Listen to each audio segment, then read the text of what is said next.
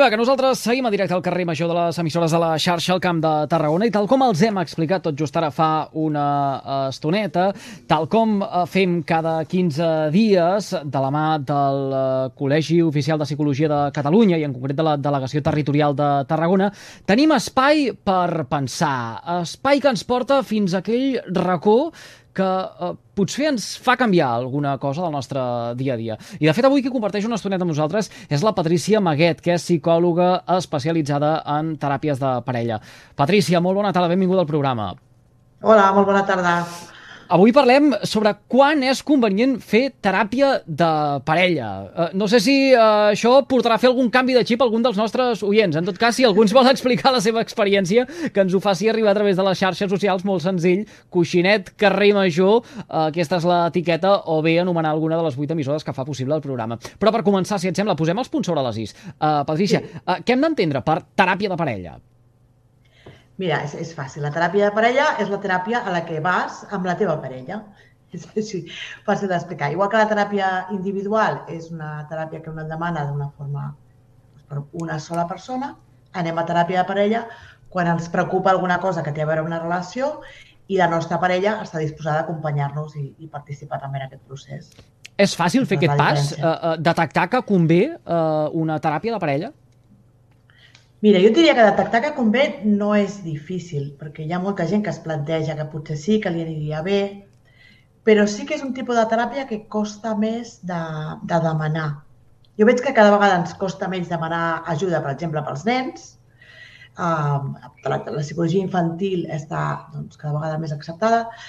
Les teràpies individuals també van guanyant acceptació social, però a la gent li fa molta cosa dir que va a teràpia de parella.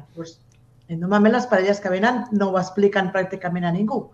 I això vol dir que encara és una cosa que es viu amb certa vergonya o amb una sensació, jo diria, de vegades com de fracàs. Sí, eh, eh, eh, és això, sí. el, el, el fre que potser fa que no acabem de recórrer quan hi ha un problema a la parella. Seria aquesta vergonya o, o, o realment aquest eh, dir, ostres, eh, no eh, hem complert les expectatives que teníem? Mm.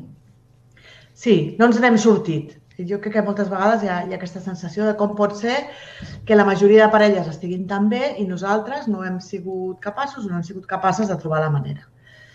Que no deixa de ser un mite, perquè això de que la majoria de parelles estan molt bé, doncs bueno, també hauríem de veure, tenim una taxa de divorcis i de separacions prou alta com per pensar que potser no estan així. Mm -hmm. Però sí que tenim aquesta sensació de que la parella hauria de ser fàcil i n'hauríem de saber i ens n'hauríem de sortir i hauríem de ser capaços de resoldre qualsevol problema que hi surti. Uh, si uh, recorréssim quan toca una teràpia de parella, propiciaríem que aquesta dada de divorcis que dèiem ara uh, no fos tan elevada? És a dir, uh, la, la, la prescripció d'una teràpia de parella evitaria que hi haguessin divorcis?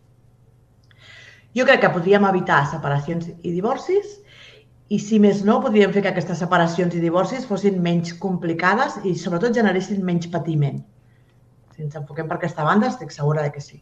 Mm uh, va, va, imaginem-nos, materialitzem tot això. Mm. Uh, com s'aplica una teràpia de parella? Vinga, va, uh, uh, hem fet el pas, hem detectat que hi ha un sí. problema. Primer de tot cal sí. que hi hagi una entesa amb la nostra parella per uh, coincidir tots dos, perquè si un uh, vol fer la teràpia i l'altre no, uh, el problema doncs uh, encara es magnifica més, però vinga, va, uh, imaginem-nos això, que la parella accedeix de manera conjunta a fer aquesta uh, teràpia. Com es treballa en una teràpia de parella? Mira, el primer que necessitem és entendre què passa. Entendre què passa vol dir que diferents parelles poden tenir aparentment el mateix problema, però això no vol dir que tots es resolguin igual. I que això jo crec que a vegades costa d'entendre. Hi ha problemes de comunicació en una relació per diferents motius. I això vol dir que el mateix problema aparentment l'haurem d'abordar diferent en funció de eh, doncs d'on hagi nascut, a partir de quin moment apareix, com s'ha intentat resoldre, quines expectatives té cadascú, quines habilitats té cadascú. Llavors, el primer que necessitem és entendre això, realment, què és el que està passant i a partir d'aquí, a partir de que fem un, un diagnòstic, una mica com quan anem al metge, no? a partir de que mhm. tinguem una mica més clar el que està passant, doncs podrem veure quina és la millor manera d'abordar-ho, quines són les solucions o quines són les habilitats que hem d'entrenar perquè aquest problema es pugui resoldre. Eh, és a dir, que hi ha eh, diversos mètodes per tal de poder superar aquest entrebanc que hi ha enmig d'una parella. Sí, Sí, sí, sí. De vegades el que veiem és que no és tant que hi hagi un problema, com en el mateix sentit en què quan anem al metge ens diagnostica una malaltia, sinó que de vegades hi ha parelles que estan patint perquè en el moment de la vida en el que es troben hi ha una sèrie d'estressors, diguéssim, de situacions que generen tensió que no saben molt bé com manegar. Exemple, eh, fills petits, l'etapa de la criança. Doncs és una etapa en la que costa dormir, perquè els fills no, no t'ho posen fàcil. Eh, el nivell d'exigència física és alt, has d'estar tot el dia amb un nivell d'activitat molt alt. A més a més, has d'anar a treballar. A més a més, doncs, has de complir unes expectatives sobre com criar en aquests nens. Queda molt poquet temps per la parella, molt poquet. El poquet que queda, la majoria de parelles t'ho diuen, només volem dormir, només volem descansar perquè estem cansadíssims. Llavors, què passa? Que per moltes parelles aquest moment de la seva relació es complica perquè ja no tenen tanta estona per xerrar, ja no tenen tanta estona per compartir, per divertir-se, per fer tot allò que millor els unia i passen per un moment complicat. Llavors, aquí eh, moltes vegades el que fem és ajudar les parelles a posar en context el que està passant. És un moment difícil per la majoria de parelles, mm. no és una situació estranya. I, i en aquest sentit, eh, és, és fàcil adonar-se que a una parella li convé fer aquest tipus de teràpia i posar-se en mans d'un psicòleg o psicòloga especialitzat? O, o realment eh, costa d'adonar-se que mm, realment amb aquesta ajuda externa podem superar l'escull? Jo penso que costa perquè et deia abans, perquè no, no tenim aquest costum de que els, els temes de parella es puguin resoldre amb ajuda psicològica. No, més, no, més no, no, perquè, no, no, no perquè no ens n'adonem, vull dir, al, al final quan no veiem... No perquè no ens n'adonem. Clar, això és com si tens una gotera i, i dius quanta estona o quants dies o quants mesos trigaràs a demanar ajuda per aquesta gotera o per aquest problema al cotxe. Clar, tu, normalment quan alguna cosa no va bé o no va prou bé, tu te n'adones. Normalment el procés passa per pensar que, que ja passarà. Si estem passant un mal moment, bueno, ja passarà. Quan va passant més, més temps, més temps i vas veient que no es resol, és quan comences a pensar que potser podríem demanar ajuda, perquè eh, encara que sigui a través de les pel·lícules, les sèries, algun company de feina, alguna amiga, sempre coneixes algú que hi ha anat o que t'ha explicat que algú hi ha anat, llavors jo penso que aquesta possibilitat es comença a obrir pas. Mm. El següent escull molt gran és plantejar-ho a la parella. A molta gent li costa. I, Ara li diré que vull anar a teràpia de parella i em dirà que, que, que on vaig, no? Que no, que, que no. Doncs costa també... El, el nivell de vida o l'estil de vida que tenim eh, en ple segle XXI, el fet que tot sigui molt immediat, que estiguem connectats les 24 hores del dia a internet a través dels eh, dispositius mòbils, eh, la globalització, tot això propicia que hi hagin més crisis de parella i, per tant, s'hagi de recórrer més sovint a les teràpies de parella o no té res a veure? Mira, jo diria que és un factor més. Partim de l'expectativa que tenim en quant a la relació de parella, perquè en els últims anys el que està passant és que a la relació de parella li demanem cada vegada més. Si pensem en les parelles dels nostres avis, doncs una parella era una persona amb qui eh, et distribuïes les coses que s'havien de fer en la família. No? L'objectiu era tenir família, i per tenir una família s'havien de portar uns diners a la família, llavors es distribuïen. Un s'ocupava de la casa, dels nens, l'altre s'ocupava de guanyar diners i del món exterior, i amb això ja n'hi havia prou. Ara no, ara volem que la parella sigui el millor amic o la millor amiga. Volem tenir una sexualitat que volem disfrutar, ens ho volem passar bé, volem tenir una família, però també volem tenir carreres professionals, però també volem viatjar, però també volem... Vull dir que cada vegada demanem a, a la mateixa persona, li demanem que faci un número de rols cada vegada més gran. I aquí és on moltes vegades ens trobem amb el repte, perquè has de ser el millor amic, has de ser el millor man, has de ser el millor eh, suport per a la carrera professional de l'altre, has de ser tantes coses que és difícil trobar una persona que sigui capaç d'oferir tant, de donar tant.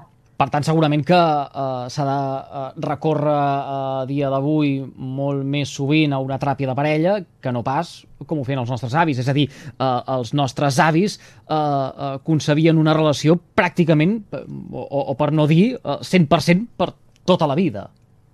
Exacte, sí. Ara, amb el que tu deies ara, amb aquest concepte d'immediatesa i amb aquesta facilitat que tenim per relacionar-nos amb molta gent, també hi ha aquesta sensació de que si hi ha un problema s'ha de resoldre ràpid, si no es resol ràpid és que és un problema molt gran i és que és irresoluble. I també a la vegada és molt més fàcil eh, tenir contactes amb altres persones i pensar que el millor remei per un problema de parella és canviar de parella. Perquè també és veritat que ara la separació i el divorci socialment estan molt més acceptats. Llavors, és un recurs que tenim eh, com a mínim present com a possibilitat molt més del que tenien els nostres avis o besavis, que, que realment, com tu mm. dius, no? ja pensaven en emparellar-se com un projecte de vida, no com una opció que podia ser substituïda per una altra opció. Mm. Uh, amb la teràpia de parella, arreglem qualsevol problema que hi hagi uh, en el si de la parella? Se supera tot no. amb una teràpia de parella? No. Què no se supera? No, no, no. no. Què no se supera?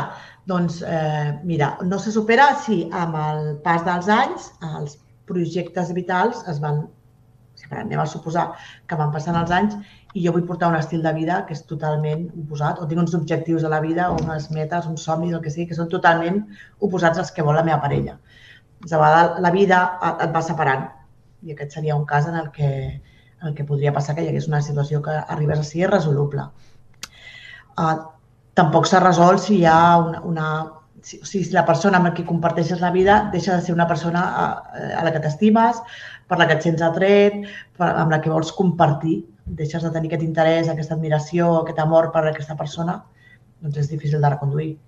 Això vol dir que fem tard a la teràpia de parella. És a dir, que si en el moment en què eh, hi ha un eh, factor que fa que mm. un s'adoni que eh, ep, hi ha aquest distanciament o eh, ep, començo a perdre l'interès. Si, sí. si, si fóssim capaços de donar-se d'això i eh, sol·licitéssim l'ajuda a la persona indicada, en cas doncs, a, a una psicòloga com, com tu, Patrícia, eh, sí. segurament podríem reconduir això o, o, o es podria arreglar. Sí, evidentment, quan abans millor. Quan abans millor. Igual que fem amb qualsevol altre problema de salut. De seguida que el detectes, si demanes ajuda, encara que sigui una consulta, perquè et diguin, mira, eh, tranquil, no passa res, això és normal, no passa res, o, o no, doncs més val que demanis ajuda i més val que comencem a fer-li alguna cosa com a mínim consultar, jo penso que és important fer-ho quan abans millor, perquè realment el pronòstic és molt, molt més bo. Hmm. En sí, aquest sí. cas, eh, quin és el paper que desenvolupa el psicòleg o psicòloga eh, especialitzat? És un mediador entre eh, aquesta parella? Sí, una part de la feina que fem jo la podria assimilar que seria una mediació. El que passa que en aquest cas, eh, normalment un mediador actua quan hi ha un conflicte concret i s'ha de buscar una solució que sigui prou satisfactòria per a les dues parts. Quan parlem de relacions de parella no tot és mediació, perquè sí que hi ha una part en la que s'han de prendre decisions i potser hi ha grans desacords, però també hi ha d'altres parts que tenen a veure amb com afrontar determinades situacions, per exemple, eh, com entendre millor l'altre, com entendre quines necessitats té un i quines necessitats té l'altre. Eh, hi ha una part també de, de suport més emocional, hi ha una part de comunicació. O sigui, no només fem mediació, sinó que moltes vegades també ensenyem a entendre millor a l'altre i també de vegades ensenyem habilitats. La gent sempre ve i et diu, necessito estratègies, necessito recursos, necessito eines doncs també fem això, ensenyar aquestes eines, ensenyar aquests recursos perquè sigui molt més fàcil la vida en parella. Mm. Uh, si ens està escoltant ara algú uh, i se sent identificat, per exemple, amb tot això que estem dient, quina eina li podríem donar? O són eines personals i, i per tant, eh, s'han de treballar eh, d'una manera molt concreta en, en, en cada cas. Eh, podem generalitzar o no? A veure, un, una eina general que et podria dir que li serveix a tothom és la de tenir present que la parella s'ha de cuidar Mira, la setmana passada un pacient em deia ara me n'adono que la relació de parella s'ha de cuidar cada dia. un, un gran descobriment perquè realment és així. El que ens serveix a totes les parelles és eh, no donar la relació per sentada. No dir, ah, mira, un dia ens vam ajuntar i vam decidir que faríem vida junts i ja està. No? Com si et compres una planta i la poses damunt de la taula i dius, bueno, ara ja tinc la planta i escolta, ja està. Doncs no, l'has de regar, l'has de podar, l'has d'abonar, totes aquestes coses. El mateix amb la relació de parella, la relació s'ha de cuidar. Si no la mm. cuides, poquet a poquet es va fent malbé. Allò que potser hem sentit a dir alguna vegada, o que potser fins i tot a través d'alguna pel·lícula o alguna sèrie eh, hem vist, de eh, escriure pros i, pont, eh, pros i contres no només de la, de, de, de la parella, sinó també d'un mateix, per veure mm -hmm. què és el que pot canviar. No sé si podem arribar a comparar fins i tot amb un, amb un DAFO. Eh? Uh, funciona uh, això? Escriure, fer la llista? Pot servir. El que sí que tenim normalment un filtre, que és un filtre humà, que tendim més a veure les coses que no funcionen que les que sí que funcionen. Llavors, està molt bé fer un DAFO, però si ens centrem molt en les oportunitats, si ens centrem molt també en el que sí que funciona i en el que sí que trobem en aquella relació de parella. I si, no ens centrem només en el que ens agradaria que canviés l'altre, en el que l'altre no fa bé, en el que trobem a faltar. Però bueno, sí, tenir aquest, aquesta mentalitat de que la relació de parella es cuida i que hi ha moltes coses que es poden fer perquè vagi millor, crec que sí que és una mentalitat que, és, que, que ens serveix, que és molt positiva per la relació. Quan parlem de teràpia de parella, eh, ens hem d'imaginar sempre els dos membres d'aquesta eh, parella eh, compartint un mateix espai amb el psicòleg o psicòloga, o aquí eh, també hi ha moments més eh, personals, més íntims entre aquest membre de la parella i el psicòleg en qüestió? Uh, mira, dintre d'una teràpia de parella pot haver-hi sessions individuals. Suposo que això és el que es refereix. Sí, a mi m'agrada que la majoria de sessions siguin en parella perquè jo sempre els dic, si, si us he d'ajudar, per exemple, que us comuniqueu millor, necessito que, que estigueu aquí perquè us pugui ensenyar i puguem practicar i puguem veure el que va bé i el que no. Però és veritat que hi ha moments en els que és molt necessari poder fer també sessions per separat. Sessions per separat, però sempre amb, amb l'objectiu de, de, de tenir la relació present. No sessions individuals com a teràpies que fem per separat, sinó sessions individuals per seguir buscant la millor manera d'ajudar-los en la de parella.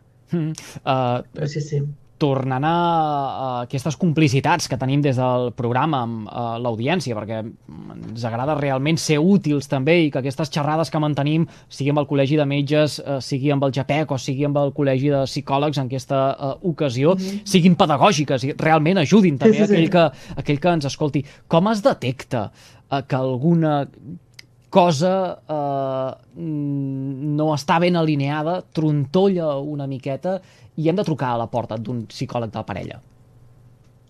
Mira, hi ha diversos senyals, eh, perquè, perquè cada parella, diguéssim, que s'encalla en llocs diferents, però jo diria que una molt important és quan veus que la comunicació no, no flueix. Si cada vegada que intentes parlar d'alguna cosa que et preocupa eh, salten xispes, hi ha discussions, la conversa puja de to, hi ha una tensió molt alta, doncs segurament és un molt bon moment per demanar ajuda. I en l'altre extrem, el, les parelles que noten eh, una distància enorme. No? Hi ha parelles que dius que ens, ens sentem al sofà però, i sembla que estiguem a, a quilòmetres de distància, perquè fa tant de temps que no compartim que, que realment no saps com arribar a l'altra persona encara que la tinguis molt a prop. Aquests dos extrems són exemples. Mm. Uh, i, i, i, I si es uh, malpensa, sospita de que aquella persona amb qui compartim la vida uh, el, el, el seu aire eh, té una, una vida paral·lela, potser és massa fort, però que ah, ja hi ha indicis de uh, que uh, potser ens està amagant alguna cosa. Això ens ha de portar també a una teràpia de parella? Home, jo diria que primer de tot uh, intentis preguntar què passa. I en funció del que passi, té sentit una teràpia de parella o no. Saps per què t'ho pregunto? Ai, per què t'ho dic? Perquè si tu li preguntes a la teva parella què passa i resulta que la parella et diu, mira, tinc una relació amb una altra persona, doncs si ja no això, arribem, això, això, abans, no? això ja, ja, ja no arribem a temps. I això ja ha volat pels aires. Sí, això ja ha volat pels aires i l'únic que faltava és que algú ho posés damunt de la taula. Però jo diria que primer de tot és intentar preguntar què passa, si hi ha alguna cosa a la relació, notes algun canvi, si d'un temps a aquesta part veus que la teva parella està diferent en el que sigui, el millor sempre és preguntar Col·laboren uh, uh, uh, homes, dones, uh, per igual en una teràpia de, de, de parella? Sí, jo diria que col·laboren per igual. L'únic que tenim una tendència, en general, tots, i, i, i, que és una cosa molt humana, i és que quan arribem a una situació de, de problemes en la relació, tendim a pensar que si la parella s'esforcés una mica més o fes les coses d'una altra manera, tot aniria bé. Llavors ens costa molt més a cadascú assumir la seva pròpia responsabilitat que és més fàcil pensar en el que l'altre està fent malament i demanar-li a l'altre que canvi i no tan fàcil acceptar que potser jo també tinc aquí alguna cosa a canviar. De Això cara, ens costa a tots, eh? Sí. De, de cara a aquells oients que ens estan escoltant ara mateix en directe o que ens segueixin en remissió a través del servei de ràdio La Carta, quin consell els donaries, uh, Patrícia, per tal de recórrer a la teràpia de parella si és necessari o sí. uh, que, que tothom sigui conscient que eh, existeix la teràpia de parella per resoldre aquests dubtes, aquestes diferències, mm. aquest eh, distanciament que, que pugui donar-se? Mira, jo crec que el primer, o una de les coses que més m'agradaria transmetre, és que les històries d'amor que veiem a les pel·lícules no són de veritat. Llavors, eh, esperar que la relació de parella sigui com a les pel·lícules aquestes romàntiques i que sempre sigui tot de color rosa i superintens i superromàntic i superbonic és molt poc realista. Llavors, aquestes expectatives les hem de frenar. La relació de parella, el conviure amb una persona durant molts anys de la teva vida és difícil i aquesta dificultat s'ha d'acceptar. I, I hi haurà moments fàcils, hi haurà moments maquíssims i hi haurà moments complicats. I això també forma part de la realitat. Ara, si algun moment difícil o complicat veiem que s'enquista, que no en sortim, que no sabem com, com desencallar-lo, doncs ha, ha arribat el moment, ha arribat el moment de demanar ajuda, de preguntar i de, de veure què s'hi pot fer. Patricia, uh, ja per acabar, quin índex uh, hi ha que uh, una teràpia de parella funcioni i, per tant, es pugui reconduir aquesta relació? Uh, això ho teniu calculat? Uh, disposeu de, de dades sí. per si les teràpies de parella realment són exitoses? Mira, jo et donaré la dada que tenim més certa, que diu que entre un 70 i un 80% de les parelles que fan teràpia de parella se'n beneficien. Que això no vol dir que totes segueixin juntes, però sí que vol dir que guanyen molta claredat com per saber si val la pena seguir juntes o no. Llavors, eh, hi ha aquest benefici, que és dir, si aquesta relació no té futur, doncs quan abans tinguem clar, millor, i si aquesta relació té futur, descobrim què és el que hem de fer perquè això realment pugui tirar endavant. O sigui, aquesta claredat, eh, per la majoria de les parelles, sí, sí que s'obté. Mm. Uh, I ara sí, una darrera pregunta, Patrícia. Uh, si uh, apliquem aquesta teràpia de parella, quan comença a haver aquest distanciament? En els primers sí. símptomes de que alguna cosa no funciona. S'acaba uh, sempre amb un final feliç? Doncs mira, depèn molt del que t'acaba del que et deia ara fa una estoneta, i és que eh, els problemes de parella normalment hi ha dues persones implicades si hi ha una molt motivada per fer canvis i per esforçar-s'hi i l'altra no ho està tant, és complicat, encara que siguin els primers moments de, de les dificultats. Llavors necessitem que siguin dues persones les que realment tenen ganes de, de tirar endavant i tenen ganes de posar en marxa canvis. Mm -hmm. Això ens dona moltes més garanties de que funcionarà la teràpia de parella. I ara, i ara sí, ja per eh, anar tancant, de debò, hi ha alguna època de l'any eh, que eh, sí. hi hagin més teràpies de parella que no pas d'altres? És a dir, que allò de les, de les vacances i de les festes de Nadal és cert? És cert, és totalment cert.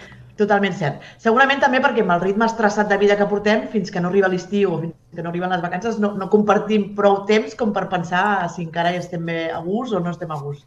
Però sí, sí que és cert déu nhi uh, Doncs res, ja ho saben els nostres oients. A la que detectin alguna cosa que no acaba de rotllar com tocaria, que es posin en mans uh, de la Patrícia Baguet, que és psicòloga especialitzada en teràpies de parella, o bé, en d'altres psicòlegs i psicòlogues uh, col·legiats garantia d'aplicar una, teràpia, una teràpia com cal. Patrícia, un ple, moltíssimes gràcies una vegada més per acceptar la invitació del carrer Gràcies a tu per convidar-me. Que vagi molt bé. Fins la propera. A reveure. Adeu.